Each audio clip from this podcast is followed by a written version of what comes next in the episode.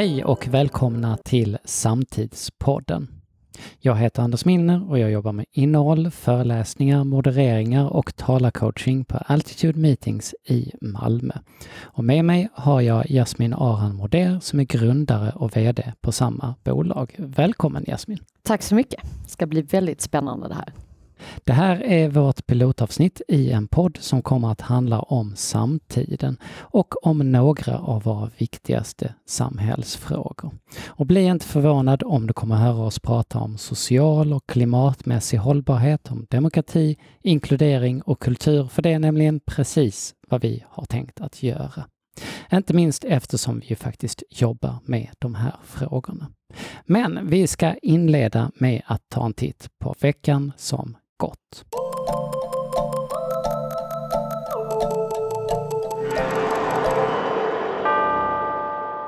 Och det här är alltså en del av podden där vi fångar upp saker från veckans medieflöde som vi har reagerat på. Och du kom hit idag med en artikel från Svenskan, Jasmin. Och rubriken här är Boom för klimattech har ökat med 3750 procent.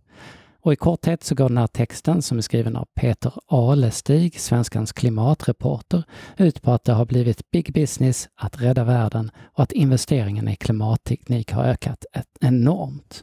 Alltså 3750 procent sedan 2013, vilket är snabbare än tillväxten inom till exempelvis AI. Och samtidigt då så subventionerar G20-länderna varje år fossila bränslen med över 5 000 miljarder kronor, vilket är tio gånger mer än vad som investerades i klimattech under 2019.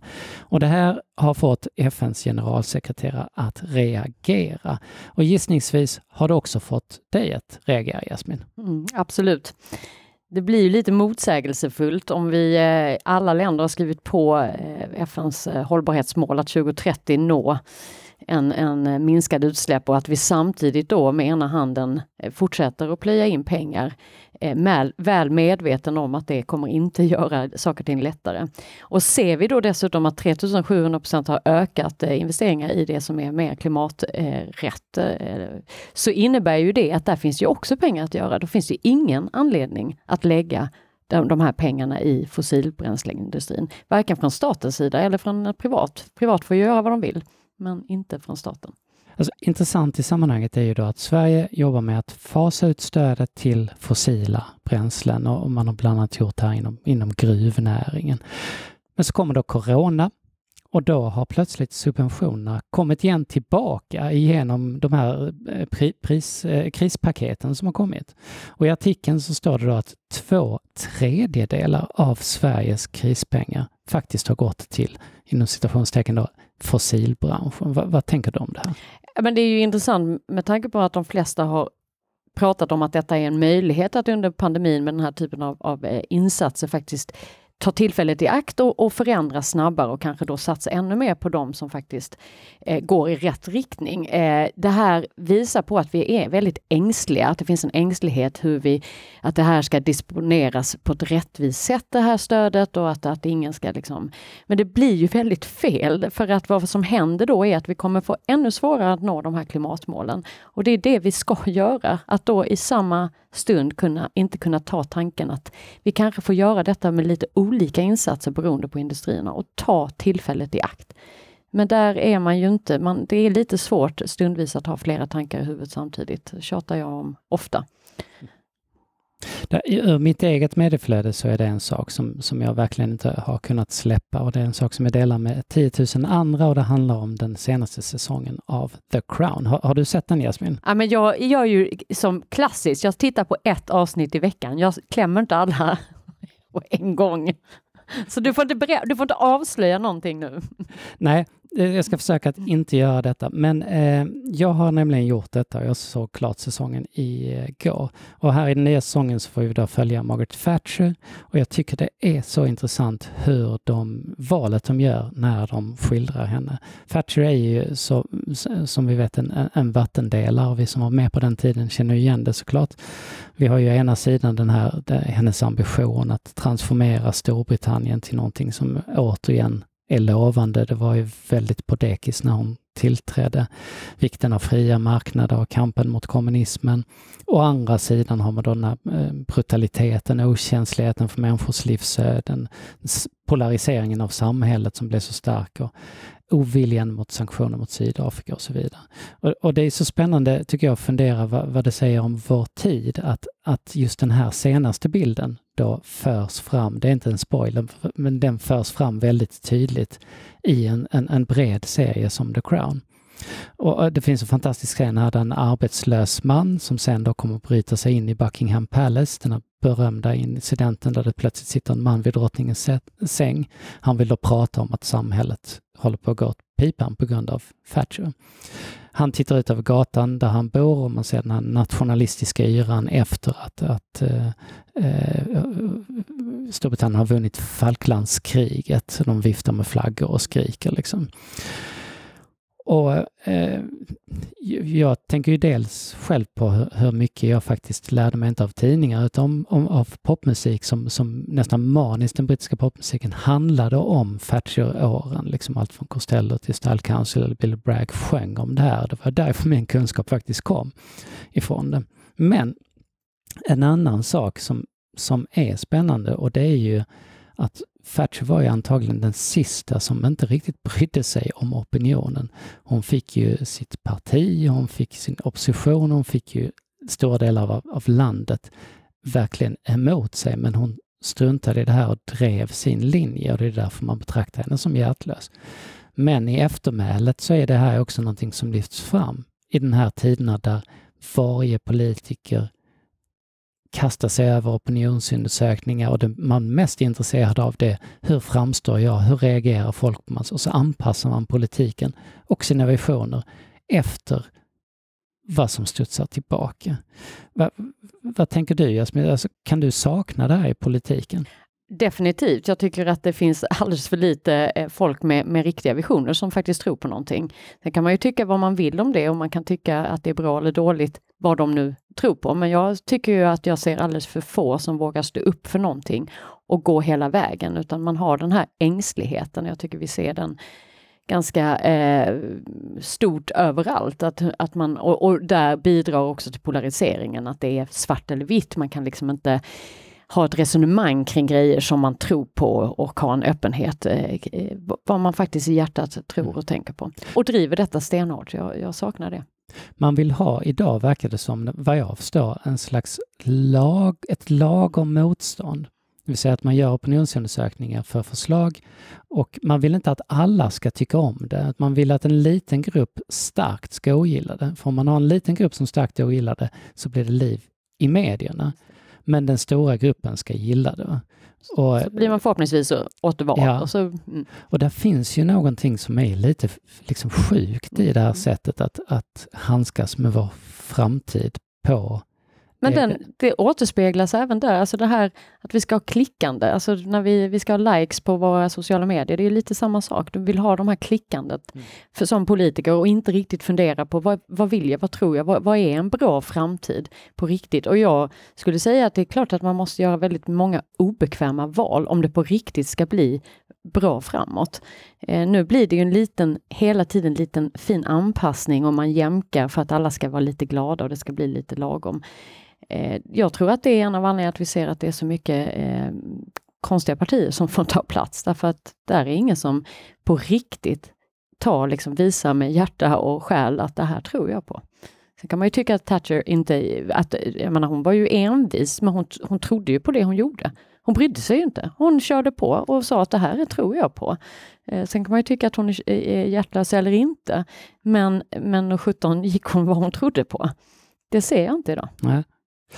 Och från eh, då svenskan och från eh, The Crown så går vi till det sista i vårt medieflöde och det är en debattartikel från Sydsvenskan där företrädare från den ideella sektorn här i Malmö skriver att det är häpnadsväckande att Malmöpolitiker inte tar större ansvar för ungdomars utsatthet.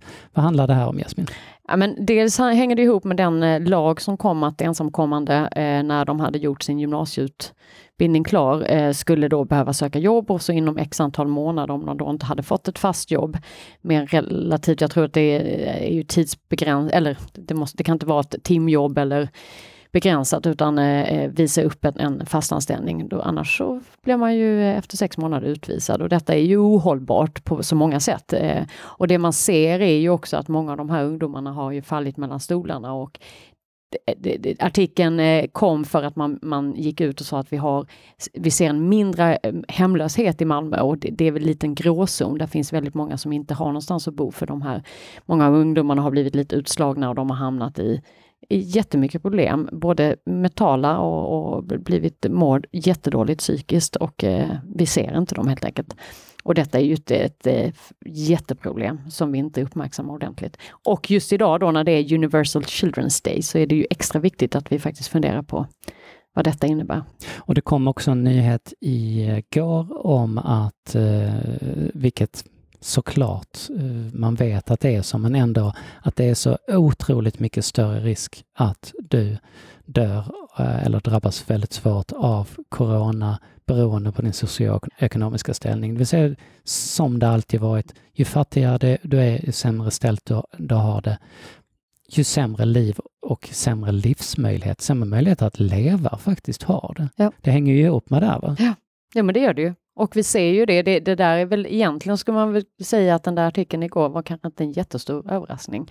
Vi ser ju de som eh, inte har möjlighet att sitta hemma och jobba. Eh, hur utsatt man är. Vi vet att kollektivtrafiken är väl kanske inte det ställe man helst vill hänga på just nu med trängsel, och, men där man kanske stundvis är utlämnad eh, eller vad det nu kan vara. Så jag, jag kan ju, men det måste vi uppmärksamma mycket, mycket mer. Och det var veckans medieflöde.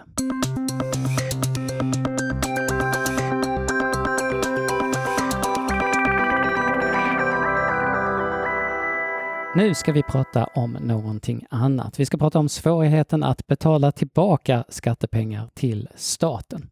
Och det här är kanske inte någonting som folk i allmänhet känner till. Det är kanske inte så många som försöker göra det och det är därför vi tycker det är intressant att lyfta det. Vi här på Altitude Meetings, vi försöker nämligen göra just detta med det krisstöd som vi fick i våras.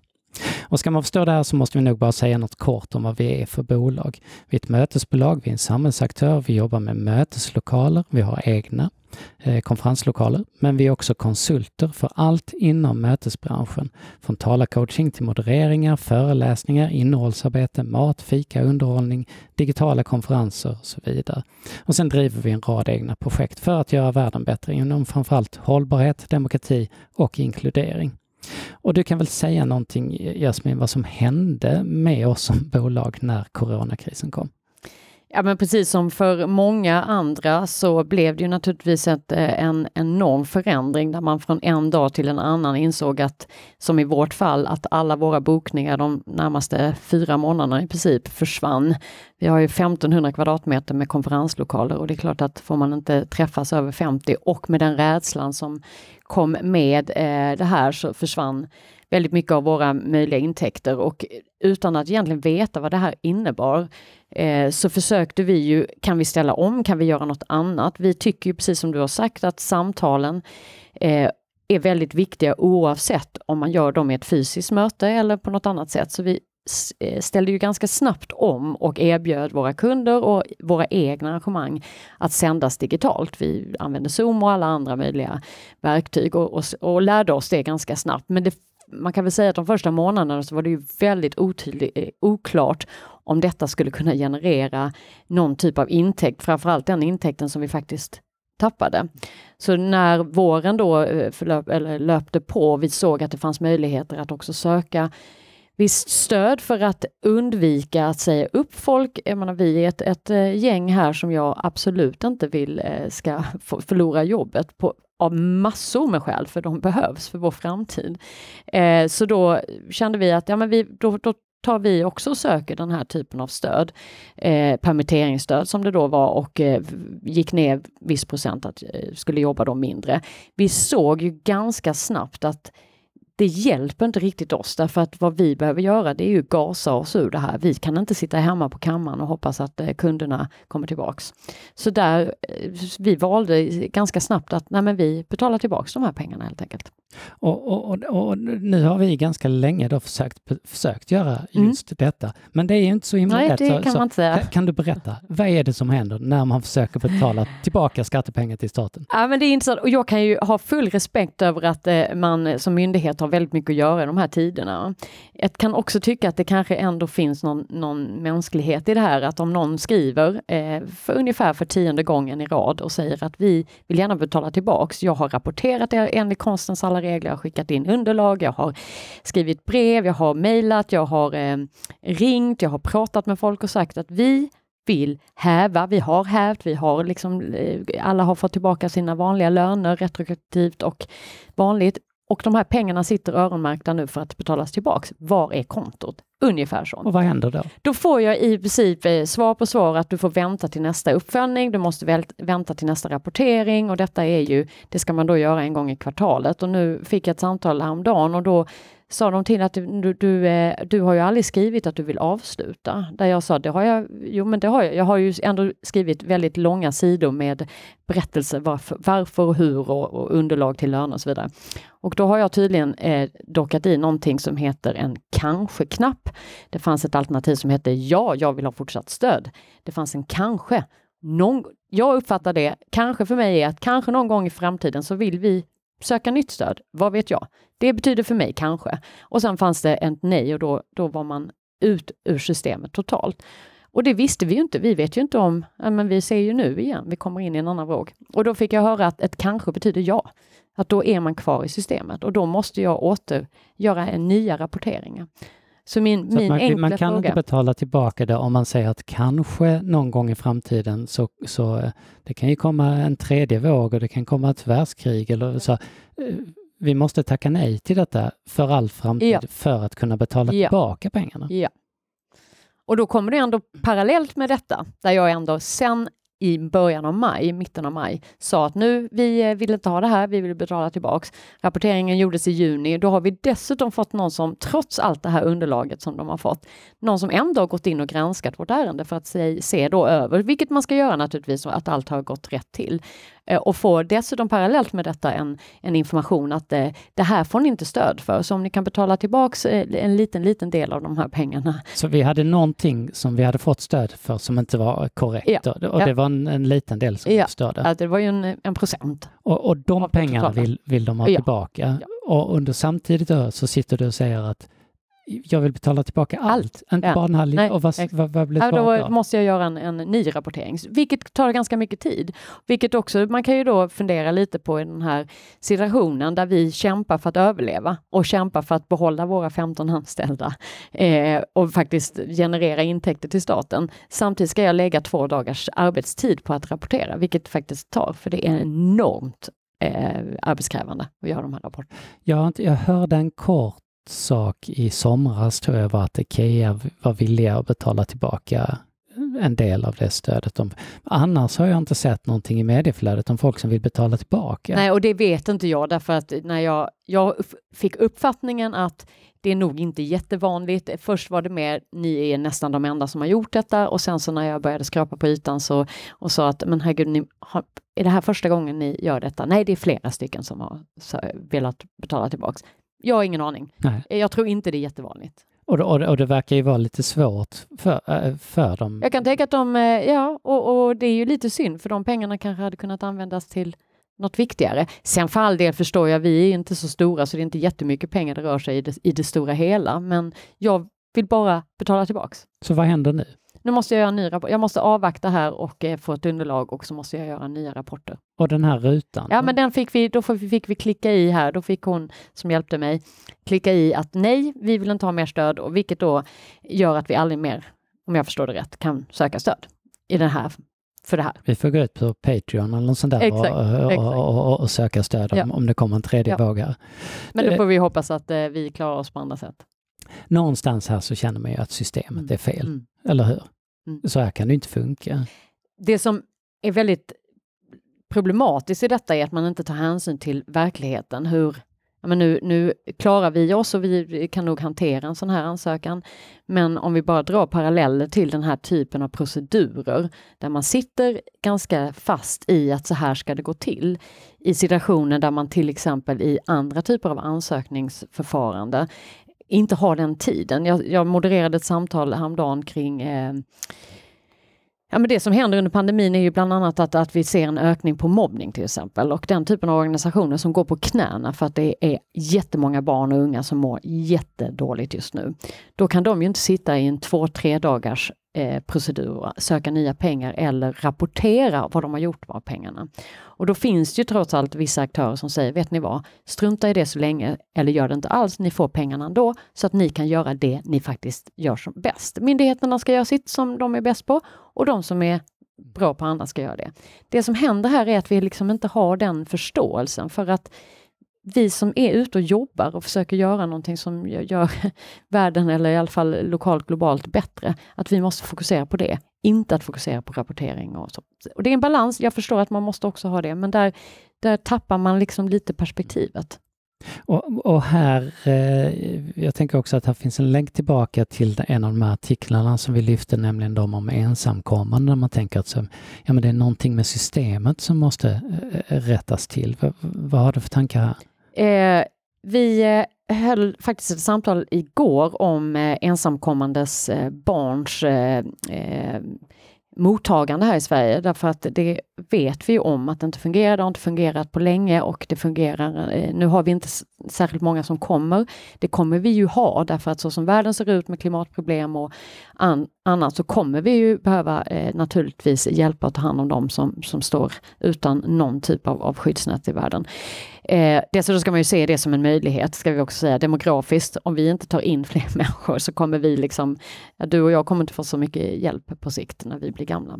Men med det sagt så ser man då att det mottagandet vi har i Sverige kompliceras väldigt mycket av att vi jobbar väldigt, väldigt mycket i silos. Det är experten som har det, då, då är man utelämnad till den om det är arbete och är det socialtjänst så är det där och så är det skola så är det där. Det finns ingen övergripande koordinering och att man har förståelse för de här olika världarna och att det är en människa emellan. Eh, utan det blir väldigt att vi jobbar väldigt ingenjörs och siloaktigt. Eh, det man ser är att man saknar känslan av att det här som sagt är människor vi pratar om och i det här fallet är det ju barn många gånger.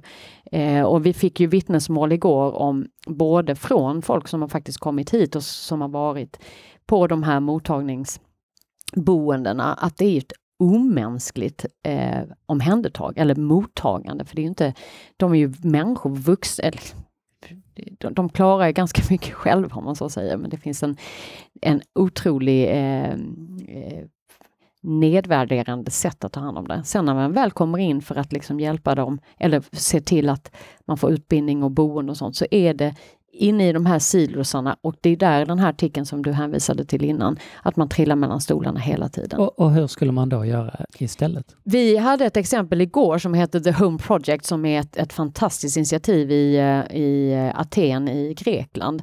De har ju, tar ju eh, emot väldigt, väldigt många och där man har liksom boende med, där man tar hand om allting under samma tak. Så både boendet och alla de här kontaktytorna där man har, man går igenom liksom alla fem, eller de, de radade upp fem olika områden som de ansvarade för och det var allt från mental hälsa till fysisk hälsa, till utbildning, till integration i samhället, att jobba nära om, eh, kringliggande... Man bryter upp de här siloserna, placerar allting på samma, med samma kontakter eh, i, i, i, där, där de är. Precis. Och bor och har personer som är många som är där på olika sätt.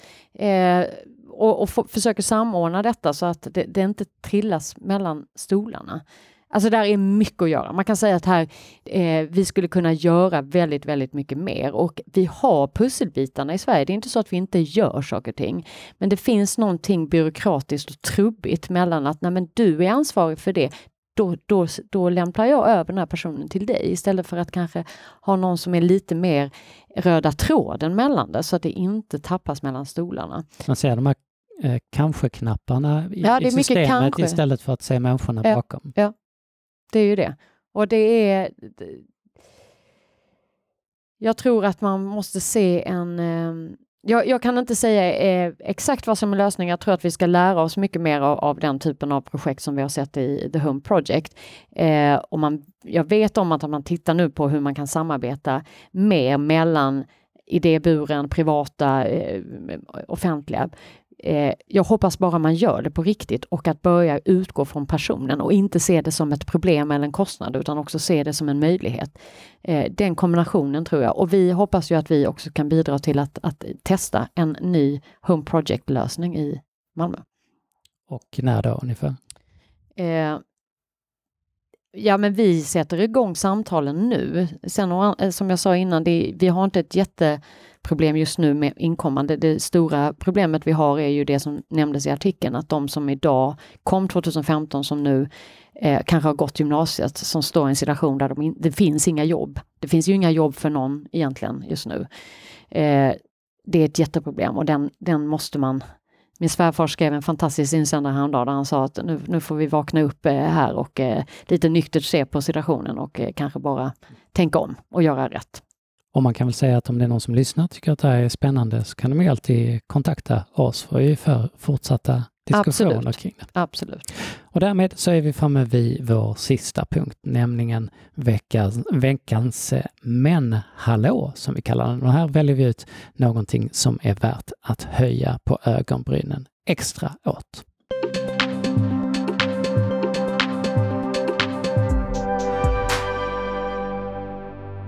Och ur flödet i den här veckan så hittar vi att Dolly Parton donerade en miljon dollar till Vanderbilt University Medical Center i Nashville som sedan varit med och testat det coronavaccin som nu ser ytterst lovande ut. Dålig själv, ja hon säger att det var säkert massor med människor som bidrog och skänkte massor av fler miljoner till eh, sådana här projekt. Men hon säger också I just felt so proud to have been part of that little seed money that will hopefully grow into something great and help to heal this world. Vad tänker du Jasmin? Jag tycker det är ändå härligt att, att man gör någonting som liksom syftar lite framåt. Eh, jag tycker vi ser allt för mycket eh, pajkastning även i denna situation. Det var inte riktigt så i början av pandemin.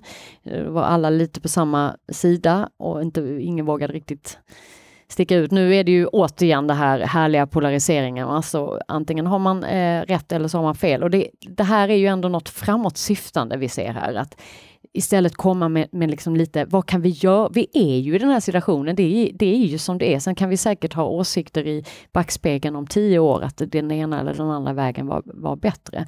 Men att kunna ta initiativ, vare sig det är en sån här sak att faktiskt donera pengar som kan driva utvecklingen framåt snabbare, eller att göra saker och ting som också fångar upp så många av, av de andra problemen som vi ser parallellt utan att för den skullen eh, förminska den kris vi har med pandemin och den fara som ändå eh, många människor upplever eller att man ser att, att det kan påverka. Så det, det känner jag att mer positiva.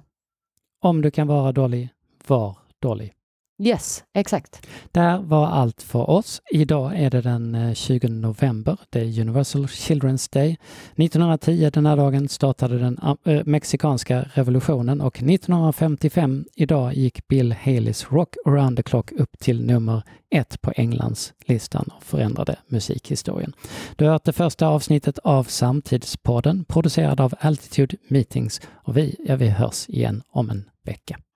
Ha en fin helg!